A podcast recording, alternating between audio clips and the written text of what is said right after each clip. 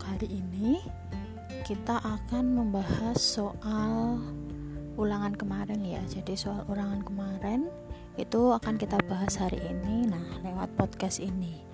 Oke, langsung saja untuk soal yang pertama itu ada soal kalau Caroline berasal dari Yogyakarta dan ia kebetulan mendapat pekerjaan di Surabaya. Pada suatu hari, pemerintah kota Surabaya akan mengadakan sensus penduduk untuk mengetahui jumlah penduduk kota Surabaya penduduk yang asli maupun yang pendatang. Oleh karena itu, Caroline saat dilakukan sensus datanya akan tercatat. Nah, sensus yang dilakukan oleh pemerintah Surabaya adalah sensus. Ini jawabannya adalah de facto. Jadi sensus de facto itu adalah sensus yang uh, siapa pun yang ada di daerah itu, entah itu pendatang ataupun warga asli daerah itu, ketika dilakukan sensus de facto, dia semua tercatat. Nah, beda dengan sensus de jure. Kalau sensus de jure itu hanya orang yang tercatat itu hanya penduduk asli daerah tersebut. Jadi yang KTP-nya itu di daerah tersebut. Nah, ini ada yang soal kedua. Lembaga yang berwenang melaksanakan registrasi penduduk adalah jawabannya adalah BPS atau Badan Pusat Statistik. Itu udah jelas ya. Nah kemudian selanjutnya yang nomor tiga. Nomor tiga ini uh, suruh menghitung CBR nah CBR itu berarti rumusnya adalah jumlah kelahiran dibagi jumlah penduduk. Nah, berarti ini jumlah kelahirannya 500 ribu per 25 ribu dikali 1000. Nah, berarti hasilnya itu 20 kelahiran bayi gitu. Jadi tiap 1000 penduduk wanita itu ada 20 penduduk wanita yang melahirkan bayi kesimpulannya seperti itu nah untuk nomor selanjutnya ini disuruh menghitung kelahiran di kelompok umur tertentu. Nah, ini sama. Jadi kelahiran di umur tertentu itu ada berapa dibagi jumlah penduduknya. Kemudian dikali 1000. Nah, di sini jawabannya adalah 40. Jadi tiap uh, eh, 1000 penduduk yang berumur 20 sampai 24 tahun itu dia mengalami uh, atau sedang mengalami kelahiran melahirkan seorang bayi sejumlah 40 bayi. Nah, selanjutnya nih ini untuk menghitung CDR. Nah, ini uh, jawabannya harusnya 8 jadi ini dilingkari ya. Jadi ini ada penduduk yang meninggal itu sejumlah 80 kemudian jumlah penduduknya itu ada 10.000 nah dikali 1000 jawabannya itu harusnya 8 tapi di sini di pilihan jawabannya itu nggak ada pilihan jawaban 8 jadi ini dilingkari. Selanjutnya ini untuk menghitung seks ratio. Jadi seks ratio ini uh, jumlah penduduk laki-laki dibagi jumlah penduduk perempuan. Jawabannya adalah 125 jiwa. Itu ya. Jadi kalian bisa lihat lagi di catatan kalian tentang rumus-rumus menghitung kelahiran, kematian ataupun seks ratio. Nah, ini selanjutnya ada menghitung uh, kepadatan penduduk agraris ya. Jadi di situ itu hanya penduduk yang sebagai petani, kemudian dibagi luas wilayahnya. Nah, kemudian di kali 100 itu jawabannya adalah 14 jiwa per kilometer persegi ya. Nah, untuk selanjutnya itu ada soal tingkat pertumbuhan penduduk Indonesia yang berkisar 1,4 persen per tahun dapat dikategorikan pertumbuhan penduduk. Ini jawabannya adalah pertumbuhan penduduk sedang. Jadi kalau 1 per 4 itu Indonesia masih atau kategori kependudukan yang ada di Indonesia itu rendah gitu. Di kemudian ada soal lagi ini sensus penduduk di Indonesia dilakukan setiap berapa tahun nah di sini jawabannya adalah 10 tahun ya jadi uh, sensus penduduk itu dilakukan setiap 10 tahun sekali. Jadi pemerintah itu juga biar tahu gitu loh penduduknya di daerahnya itu tiap 10 tahun itu apakah bertambah atau malah berkurang. Nah, ini ada soal lagi wajib belajar di Indonesia. Nah, sekarang ini berapa tahun? Jawabannya adalah 12 tahun.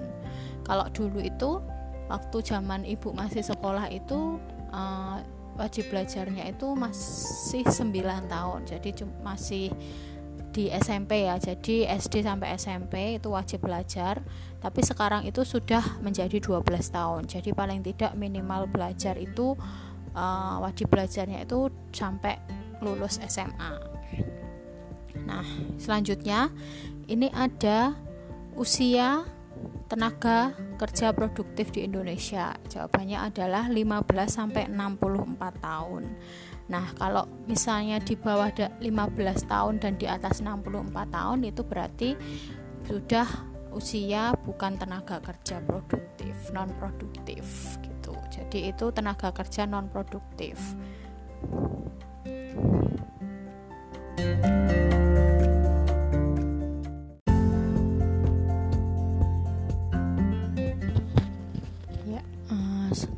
Soal selanjutnya jadi ini ada Pak Joko tinggal di daerah Sidoarjo, tapi dia mempunyai pekerjaan sebagai guru di Gresik. Setiap hari Pak Joko berangkat kerja dengan menggunakan mobil dan setelah selesai bekerja, Pak Joko selalu langsung pulang ke rumahnya. Nah, mobilitas penduduk yang dilakukan Pak Joko adalah komunikasi itu adalah perpindahan penduduk itu yang dilakukan sehari ya, sehari. Jadi tidak uh, ada niatan untuk menginap dulu. Kalau ada niatan untuk menginap nah itu uh, namanya mobilitas penduduk sirkulasi. Nah orang yang melakukan perpindahan penduduk ini apa namanya yang sehari saja ini atau komutasi ini itu dinamakan sebagai komutan. Komutan itulah Pak Joko ini sebagai komutan. Nah kalau yang sirkulasi itu adalah orang yang melakukannya itu namanya sirkuler Selanjutnya, ini Anggi mempunyai kakak yang baru saja lulus SMA dan mempunyai keinginan untuk melanjutkan studinya ke luar negeri.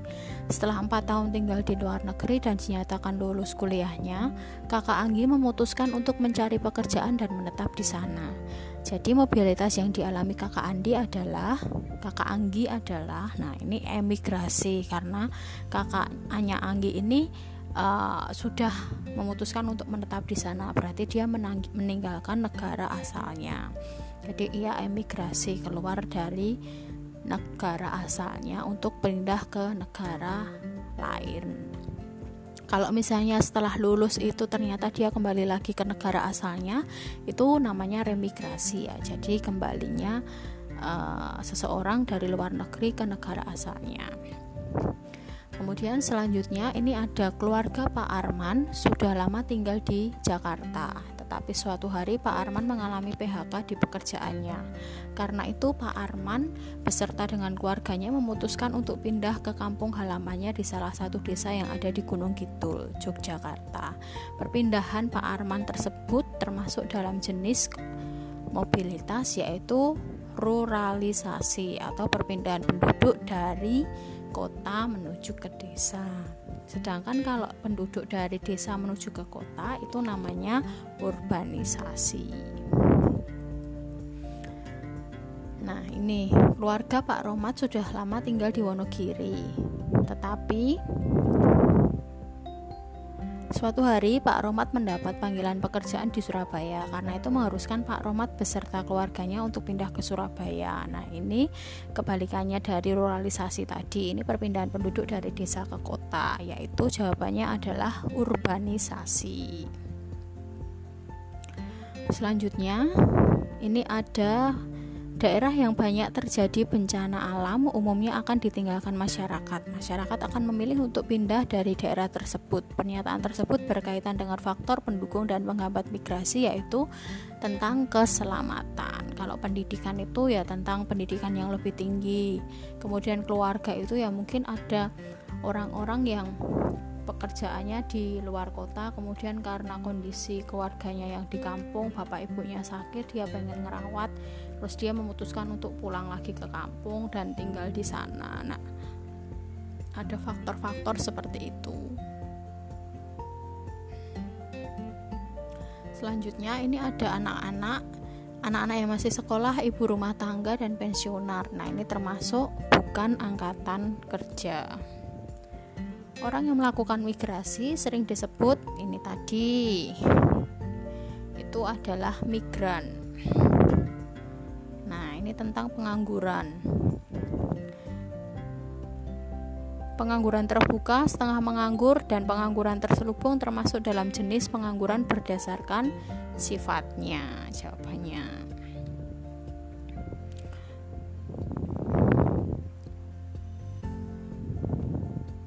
Soal selanjutnya, seiring dengan perkembangan zaman, tenaga manusia yang dibutuhkan untuk bekerja di pabrik akan digantikan oleh tenaga mesin atau robot. Keadaan tersebut menjadikan banyak tenaga manusia yang di pabrik yang di PHK dan menjadi pengangguran. Hal tersebut bisa digolongkan ke dalam jenis pengangguran yaitu teknologi ya ini ya karena pengangguran teknologi ini uh, orang-orangnya pekerja-pekerjanya di pabrik itu digantikan oleh mesin yang lebih canggih selanjutnya ini ada Transmigrasi merupakan upaya pemerintah dalam memeratakan jumlah penduduk. Tujuannya adalah jawabannya adalah meratakan persebaran penduduk. Jadi, orang-orang yang melakukan transmigrasi itu ya tujuannya pemerintah mengadakan itu tuh supaya penduduk-penduduk itu dari tiap daerah itu dapat tersebar jumlahnya. Jadi enggak enggak menimpang gitu loh. Ada daerah satu yang jumlah penduduknya terlalu banyak, terlalu padat, sedangkan daerah lain itu kekurangan penduduk. Nah, diharapkan dengan adanya program program transmigrasi ini uh, penduduk-penduduk yang ada di daerah-daerah tertentu itu persebarannya bisa merata. Nah, seperti itu.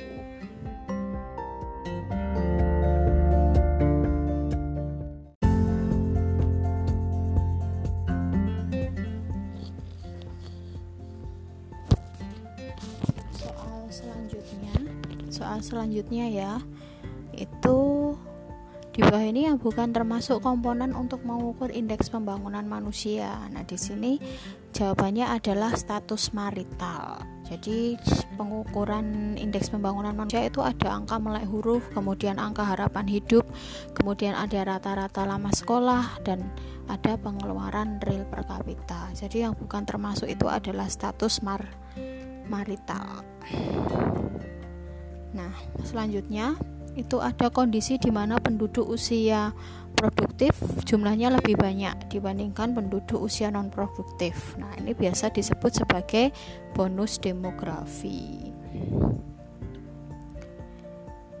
Di soal selanjutnya, ini ada menjadikan Indonesia sebagai negara yang mandiri, maju, serta mampu mewujudkan kesejahteraan. Pernyataan tersebut merupakan tujuan dari tujuan dari indeks pembangunan manusia dan di indeks pembangunan manusia tadi ada beberapa unsur ya seperti angka harapan hidup, angka melek huruf, pendapatan real per kapita dan juga rata-rata lama sekolah.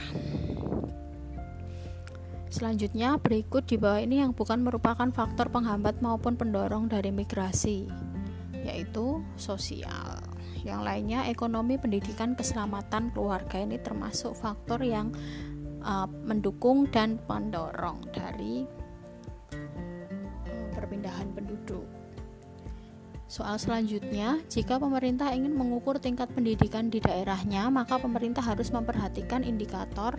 Nah, ini untuk mengukur pendidikan, berarti dia jawabannya adalah angka melek huruf dan rata-rata lama sekolah. Selanjutnya, ini ada berikut di bawah ini yang bukan merupakan dampak negatif dari bonus demografi adalah A, yaitu meningkat meningkatkan pertumbuhan ekonomi. Jadi bonus demografi itu bukan termasuk untuk meningkatkan pertumbuhan ekonomi itu tidak termasuk di situ. Nah, ini jumlah penduduk yang besar menimbulkan berbagai nah ini juga dilingkari karena soalnya kurang. Jadi ini maksudnya jumlah penduduk yang besar menimbulkan berbagai macam apa namanya uh, dampak apa. Nah, di sini sebenarnya terpenuhinya sandang dan pangan. Berbagai dampak. Nah, dampak negatifnya.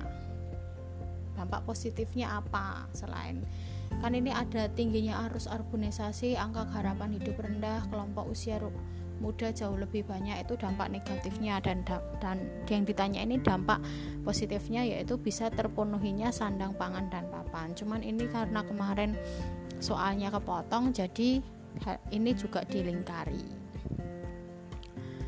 oke tinggal dua soal lagi di Indonesia pemerintah menetapkan batas usia perkawinan untuk perempuan dan laki-laki berapa? Kalau untuk perempuan itu 19 tahun sedangkan untuk laki-laki itu 21 tahun. Soal terakhir usia kematian janin antara umur kandungan lebih dari 16 minggu sampai dengan umur kandungan 28 minggu. Ini disebut abortus ya. Jadi ada istilah-istilah di kematian itu arbot, arbotus, prematur dan imatur. Nah, itu kalian bisa lihat di buku paket, masing-masing penjelasannya itu ada. Nah, ini sudah selesai kita membahas soal ulangan yang kemarin. Untuk hari ini kita jadwalnya hanya itu ya membahas soal ulangan yang kemarin jadi biar kalian lebih paham lagi tentang materi ini tentang dinamika kependudukan. Nah, untuk pertemuan selanjutnya besok hari Kamis itu nanti kita akan membahas tentang keragaman budaya yang ada di Indonesia. Kita masuk di bab baru. Begitu ya. Terima kasih semuanya.